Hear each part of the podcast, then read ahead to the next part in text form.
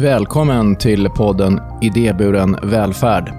Den här podden görs ju utav Skyddsvärnet.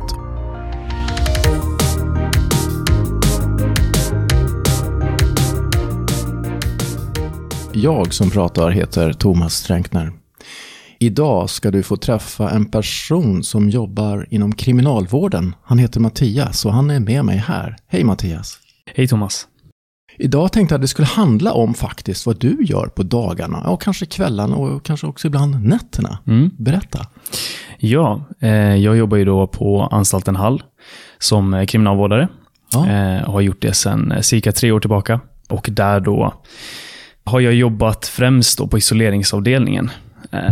Där intagna som inte kan sitta kanske på en normal avdelning eller en öppen avdelning får sitta i väntan på placering. Då. Ja, det är egentligen där jag jobbat sedan jag eh, började på Hall för tre år sedan.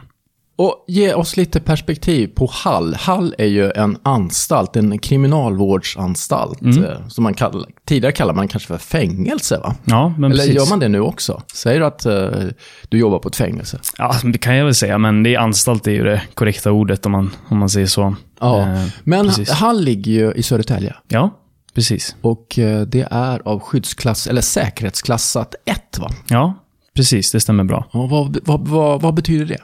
Ja, eh, det finns ju då tre säkerhetsklasser. Så klass 1, klass 2 och klass 3.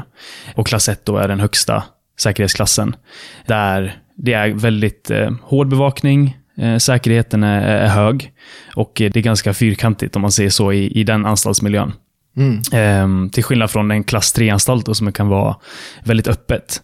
Så en klass 3-anstalt kan ju i princip vara helt öppen utan murar. In- Inga hinder runt Nej, men inga egentligen, staket, alltså. egentligen. Vissa klass 3, om det, om det är en helt öppen anstalt, så kan det, kan det vara så.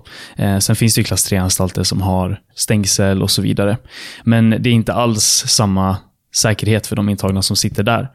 Eh, och klass 2 är någonstans mitt emellan. Men klass, klass 1 då, som jag jobbar på är då den, den högsta säkerhetsklassen. Så, Ja. Jag läste på lite grann om det här med säkerhetsklasser Ja. och där de klienter, vi kallar dem, de som är eh, straffade och Mm. avtjänar sitt straff, de kallar vi för, eller kallar ni för klienter. ja, precis. Och det är väl de som har en särskilt hög risk för rymning eller fritagning. Mm, det stämmer bra. Ja. Ja. Vad är det för typ av klienter? Kan man säga något om det?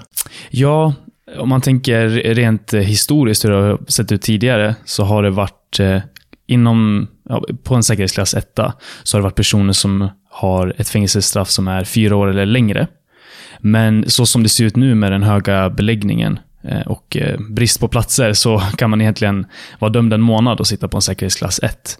Även om man kanske egentligen skulle sitta lägre klassad, men vi har så otroligt, det är för få platser helt enkelt. Och, och är det så att det har med det jag sa att göra med rymningsbenägenheten och fritagningsbenägenheten, Mm. alltså risken för det? Ja, men det stämmer. Det stämmer precis. Det är oftast om man sitter på klass, säkerhetsklass 1, om man eh, är klassad för att sitta där, så är det ofta så att man, eh, det är grövre brottslighet, det finns risk för rymning, man kanske är del av en, eh, en kriminell gruppering eller är någon slags ledargestalt eller liknande, eller man, man har begått ett sånt grov, grovt brott att man bedömer att man måste sitta med väldigt höga, med, med hög säkerhet helt enkelt.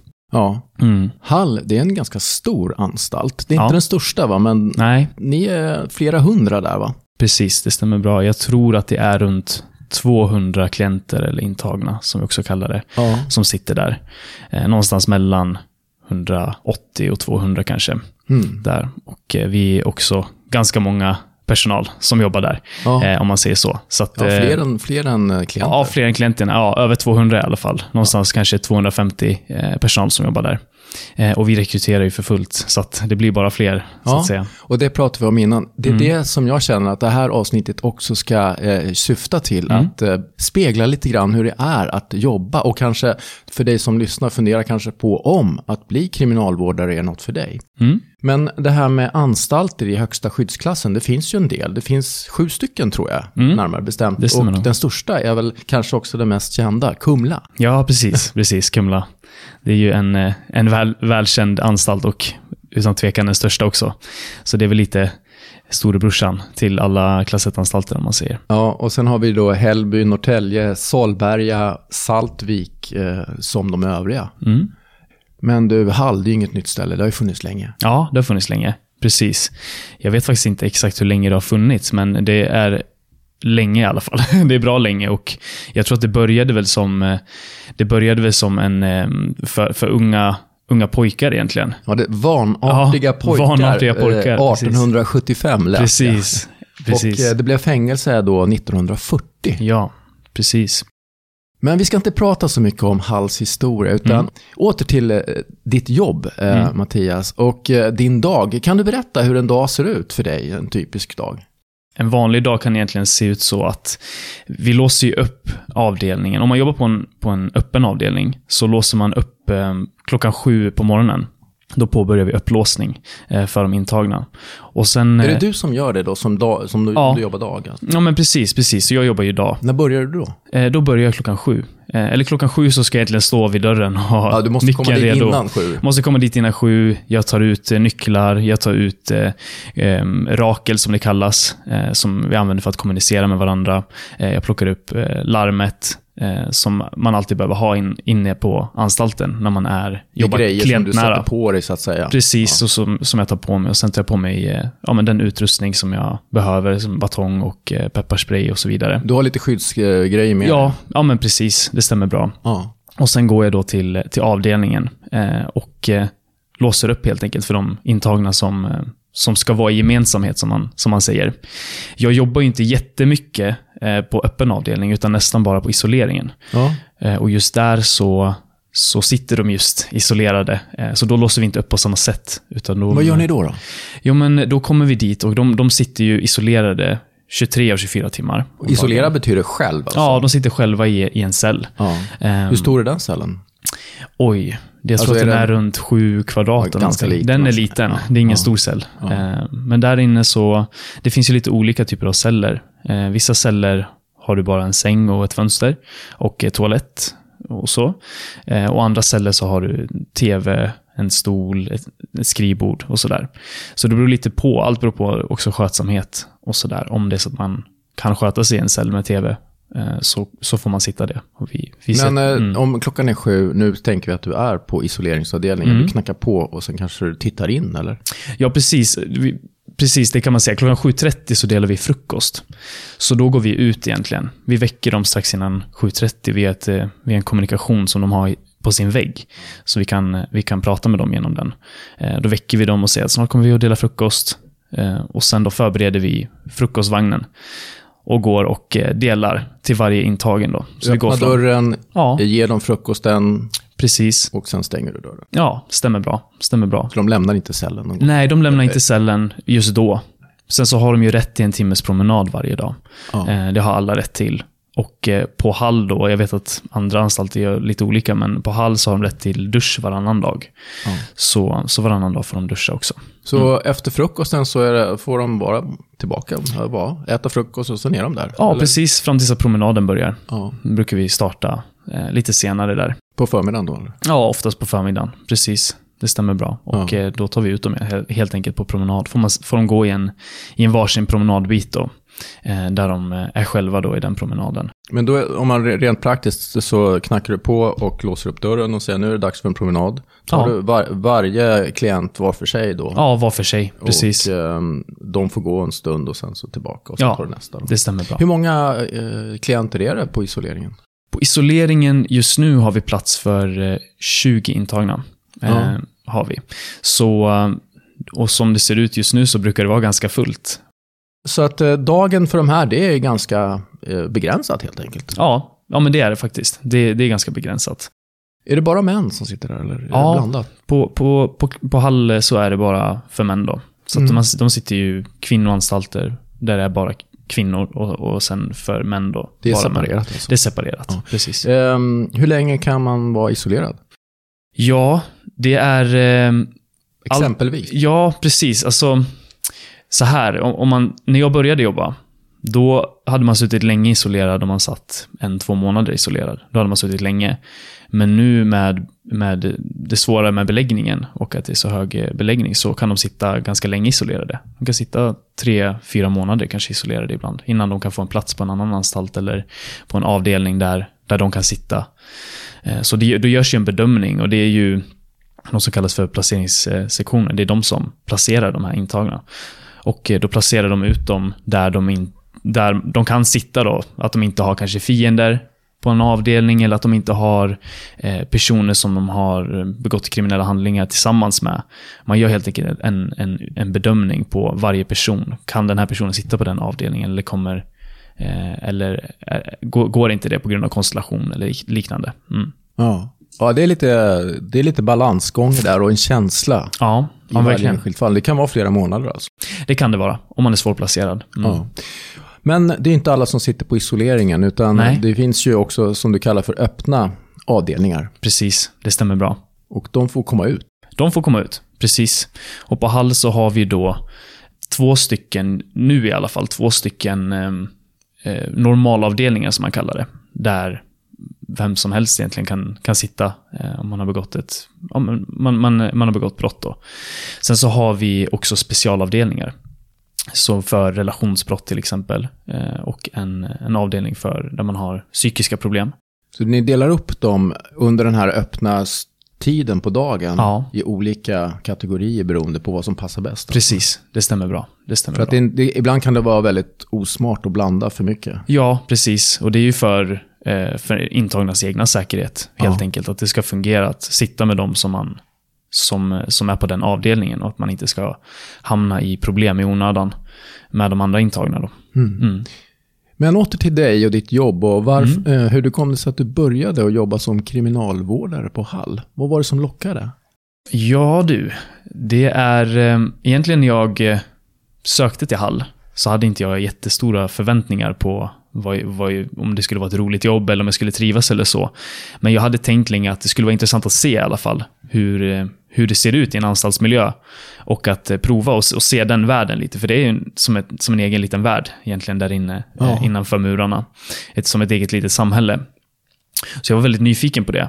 Jag hade jobbat några år i säkerhetsbranschen, i den privata sektorn, och tänkte att men, de färdigheter som jag har från, från det jobbet kanske jag kan ta in också i anstaltsmiljön.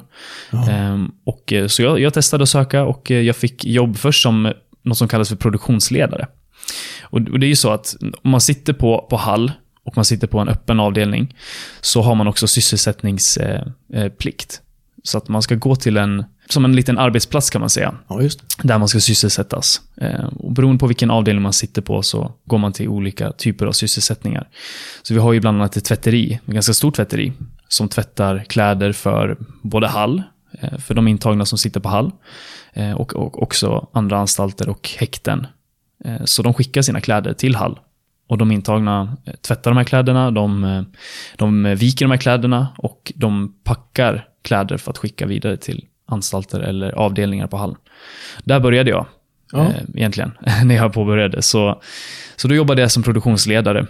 Ja. Och mitt jobb då var egentligen att motivera till att arbeta, till att, till att kunna komma in egentligen till ett, ett normalt liv, eller vad man ska säga. Så att när de kommer ut så är de så har de de färdigheterna för att kunna sköta ett jobb till exempel och eh, eh ha, ha den, de färdigheter som man får där helt enkelt. Mm. Mm.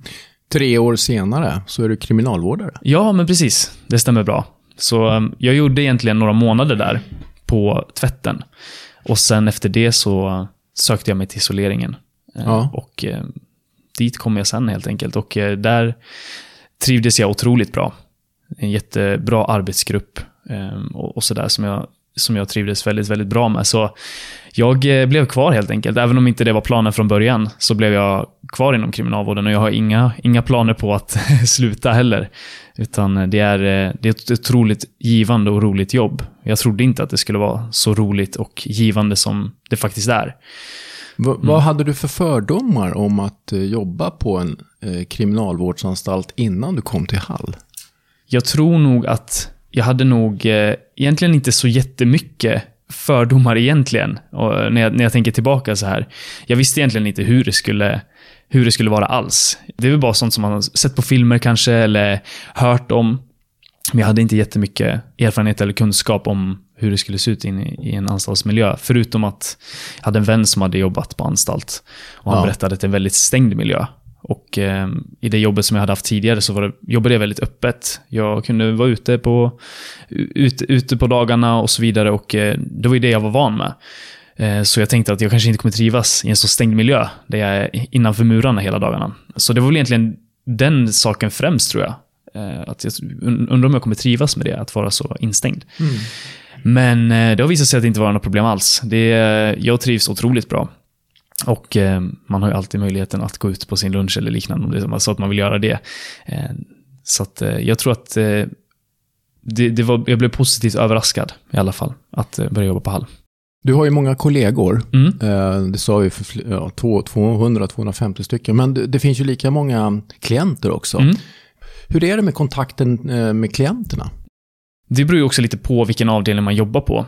Ja, ja vi tar ditt fall nu som Mm. är på, på den eh, På isoleringsavdelningen. isoleringsavdelningen. Då är det egentligen främst vid eh, till exempel matutdelning. När vi tar ut dem på promenad. Eh, när vi tar dem till dusch. Och så vidare. Och det är också så att de till exempel kanske ska besöka sjukvården. Mm. Då går vi med dem till sjukvården. Och, och så vidare. Och sen så har vi också någonting som kallas för isolbrytande åtgärder. Och det är just för att för deras eh, mående helt enkelt. Att, eh, att vi, vi, vi kan sätta oss till exempel i ett rum kanske, spela kort med dem, Ja. sitta och prata om de vill prata, eller Mm. de kanske får gå ut lite extra på promenadgården. Bara för att de ska få, eh, få mer frihet helt enkelt. Och inte si- sitta isolerade. För att i slutändan så mår man inte så bra av att si- sitta isolerad. Så då försöker vi att eh, underlätta det för dem, helt enkelt. En, Ehm. en del av dem kan ju ha lite läskigt förflutet. De- Mm. De kan eh, vara ja, mördare och Mm. grovt kriminella och kanske manipulativa och sådär. Det, det där, är- hur förhåller du till vem du har att göra med? Alltså jag tror att någonting som jag har lärt mig under tiden som jag har jobbat på Hall är att eh, se människan och inte brottet så mycket. Absolut, det är bra att vara medveten om att den här personen har begått det här brottet. Att du kanske sitter för ett mord eller liknande. Eh, men att jag behöver kunna se människan också. Så att jag inte låser mig vid och bara se den här personens brott. För då blir det väldigt, det blir väldigt onaturliga relationer till, till de intagna och eh, kontakten med dem blir väldigt onaturlig. Så egentligen att, att kunna se människan och precis som du säger, de kan vara väldigt manipulativa. Så man måste ha, hela tiden ha ett säker, högt säkerhetstänk. Inte låta sig manipuleras. Inte tillåta dem att påverka en helt enkelt. Och, att, eh, och där, verkligen kollegorna, man behöver varandra där. Eh, om det är så att, för att det är ju också en, eh, på grund av de brott som de har begått och att det är kriminella personer så absolut förekommer det eh, hot och så vidare. Så då behöver man också ha, man behöver någonstans ha sina kollegor att ventilera med och som kan, kan stå tillsammans med en. Och att alla jobbar lika helt enkelt. Kan du släppa jobbet när dagen är slut, när du går hem? Ja, det kan jag faktiskt. Mm, det är jag. skönt. Ja, det är skönt. Ja. Det är, annars är det väldigt tufft tror jag. Mm. Men vad, vad är det som är tuffast med ditt jobb? Alltså jag, i termer av det som kanske är jobbigt menar jag. Ja, men just att det kan vara väldigt stressigt. Det kan vara så att vissa dagar, eh, man har en planering för dagen. Att eh, idag så kommer det här och det här och det här att ske. Och sen så går det inte alls enligt planen. Det kanske går ett larm på en annan avdelning. Till exempel om eh, vi är ute och jobbar och sen så går det ett larm på en annan avdelning. Då springer vi på det larmet. För då kanske det är en kollega som behöver hjälp eller det är eh, ett slagsmål eller någon som har fått ett sjukdomsfall eller liknande. Och då springer vi dit för att assistera då. Och se, ett larm kan ju, det kan ju ta, ta ett tag. Händer det ofta? Det händer ganska ofta. Jag har inte riktigt så statistik på hur, mycket, hur ofta det händer på Hall, men, men vissa perioder är väldigt lugnt. Det händer inte ofta. Och vissa perioder så kan det vara flera gånger om dagen. Mm. Så eh, det är väldigt olika helt enkelt. Men jag tror att den, den stressen att hinna med och eh, sen också att eh, det kan vara en ganska hård miljö. Som man kanske förstår på anstalt. Eh, och just isoleringen så kan det vara, det kan bli våldsincidenter. Där intagna kanske har eh, inte tycker om oss på grund av eh, att vi har kriminalvårdsmärket på, på kläderna och så vidare. Och som väljer att ja, vet inte, kasta saker på oss eller, eller hota oss och, och så vidare. Så det kan absolut hända. Har det hänt dig någon, någonting som du kan berätta om som var skrämmande eller obehagligt? Jag har väl flera situationer skulle jag vilja säga. Men jag har blivit hotad ganska många gånger.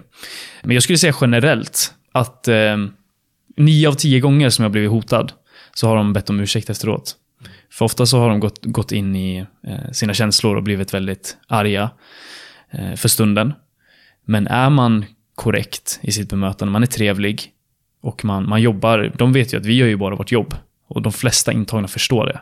Att vi, gör bara, vi är bara där för att göra vårt jobb eh, och sköta vårt jobb. Och så länge man är en, en tillmötesgående person så ångrar de sig oftast. I alla fall i mitt fall så har det varit så att de har kommit och bett om ursäkt. förlåt, förlåt att jag sa det där. Sen så har jag varit i fler, flertalet våldsincidenter där vi behövt gripa intagna. Eh, där intagna har eh, försökt ge sig på personal eller eh, andra intagna och så. Jag har en, en bank med incidenter som jag skulle kunna dra. Om vi går tillbaka till eh, första dagen, eller dagen innan första dagen på jobbet ja. här på kriminalvården. Jämför om du jämför dig själv då med nu, idag, när vi mm. sitter här så är det ju den 9 februari 2023. Ja. Vad, vad känner du att du har utvecklats för någon, eh, på, på vilket sätt eh, av jobbet på Hall? Mm. Rent personligt, liksom, vad har det gett dig som du inte hade innan? Det finns, det finns nog mycket. Jag tror att eh, absolut att, för att, just för att man möter personer som ibland kan vara väldigt komplicerade. Eh, och att kunna hantera olika typer av människor. Det tror jag tar med mig ut i, i, i mitt privatliv också. Att jag kan hantera olika typer av människor, olika typer av eh, attityder som de kommer med. Även om de kallar mig någonting så blir inte jag skogstokig eller rädd eller så. Utan ja, men då har jag lärt mig att hantera eh, det jag möts av helt enkelt. Så det, tror jag, det tar jag med mig i mitt, i mitt privatliv, definitivt. Och också bara kunskapen om att de, de här personerna som sitter i anstalt, ofta så har de Anledningen till att de har hamnat där de har hamnat är oftast underliggande problem. Saker och ting som de har varit med om tidigare och eh, eh, kanske diagnoser och så vidare. Eh, och att de, de behöver ju hjälp. Och jag tror att den bilden ändrades nog när jag började jobba på, på anstalt. För jag tänkte väl att det här, absolut, man, man, väljer, man gör sina val i livet. Man väljer att begå kriminella handlingar. Eh, men att de här personerna har också en, en stor problematik ofta i grunden att de har väldigt eh, mycket problem med diagnoser kanske och eh, impulskontroll eh, och så vidare. Som har lett att de har hamnat där de har hamnat. Det måste ju kännas skönt att se en, en klient lämna anstalten och allting har gått bra och mm. du kanske känner att du har varit en del i det. Absolut, jo men verkligen. Och det har ju hänt att eh, klienter när de kanske lämnar anstalten att de eh, VFar som man säger, går ut på villkorlig frigivning att de säger att men, de tackar för tiden och säger att men, ni, ni har varit bra här mot mig. Även om de har suttit isolerade eh, sista tiden innan de går ut eh, utanför murarna. Men att de ändå kan säga att men, tack, ni har, ni, har, ni har bemött mig bra. Ni, ni har varit eh, korrekta mot mig, ni har behandlat mig med respekt. Eh, då känns det bra. Att, då, då känner man att man har gjort ett, ett bra jobb ändå. Mm. Att eh, jobba på Hall och att jobba på kriminalvården, det är ju inte ett jobb, utan det är ju massa personer. Det är ju 12 000 personer och massa olika anstalter. Och mm. även inne på Hall finns det ju väldigt många olika roller. Det stämmer. Jag tänkte vi uh, fråga dig, vad, vad, har du för framtidsplaner? Om vi skulle sitta här om ett par år och prata med varandra, vad skulle du vilja berätta för mig då? Jag har ju jobbat på isoleringen sedan jag eh, började nästan då i ja. princip. Men jag har ganska nyligen klivit på en, en, ny roll där jag jobbar mycket mot att utbilda ny personal. Eh, och jag instruerar i konflikthantering och eh, jag, så jag har lite andra nya roller. Så den rollen är väldigt ny för mig och så får man väl se lite vart, vart allt det leder. Men, men, men det jag brinner för är ju mycket med säkerhetsarbetet och eh, just utbildningsdelen för personal. Det är ju någonting som ligger mig varmt om hjärtat. Att jag vill att all personal de ska ha den kunskap och de medel som de behöver för att kunna göra ett bra jobb. Eh, och det vill jag vara en, en del av, att, att utveckla det arbetet. Sen vilken form det kommer vara, det, det, får, man, det får tiden avgöra helt enkelt. Men, eh, men det är någonting som, jag, som ligger mig varmt om hjärtat och som jag brinner för. Tror du att du är kvar på Hall? Det tror jag finns en stor chans att jag är faktiskt. Det tror jag. Jag mm. trivs otroligt bra på Hall. Och, eh, det skulle nog vara med en och annan tår man lämnar Hall faktiskt, skulle jag säga. För vem är jobbet som kriminalvårdare rätt? Det är nog rätt jobb för olika typer av människor. Jag tror inte att det finns en, en typisk mall för vad en, en bra kriminalvårdare är.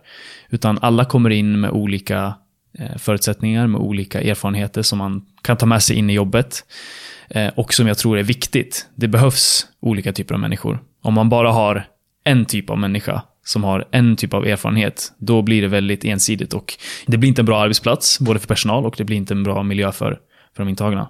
Så jag tror att det är bra att man behöver inte ha kommit från, ja, men som jag kommer från säkerhetsbranschen, eller att man behöver vara på ett visst sätt för att jobba inom kriminalvården. Utan jag tror att man kan komma och bli en otroligt bra kriminalvårdare om man har jobbat, vad vet jag, vilket jobb som helst egentligen. Bara man har rätt inställning. Och jag tror att det är viktigt att vara stabil i sig själv. Att man är trygg i sig själv, inte låta sig påverkas lätt, kunna stå på sig, även om det kanske är obehagliga situationer. Jag tror att det är någonting man lär sig med tiden, när man jobbar. Jag vet att jag jobbar ju mycket mot, med de eh, nyanställda som börjar på Hall. Eh, och i början så är man otroligt nervös. Det är, bara man ska öppna en dörr så är det jättenervöst. Även fast man öppnar dörren hemma varje dag så, så gör man fel när man ska göra det på jobbet för att man är nervös. Men med tiden så kommer man in i jobbet. Och jag tror att eh, bara man har en rätt inställning när man, när man kliver in. För att vi vill ju såklart hjälpa. Ledordet för kriminalvården är ju bättre ut. Vi vill ju att de intagna ska komma bättre ut i samhället.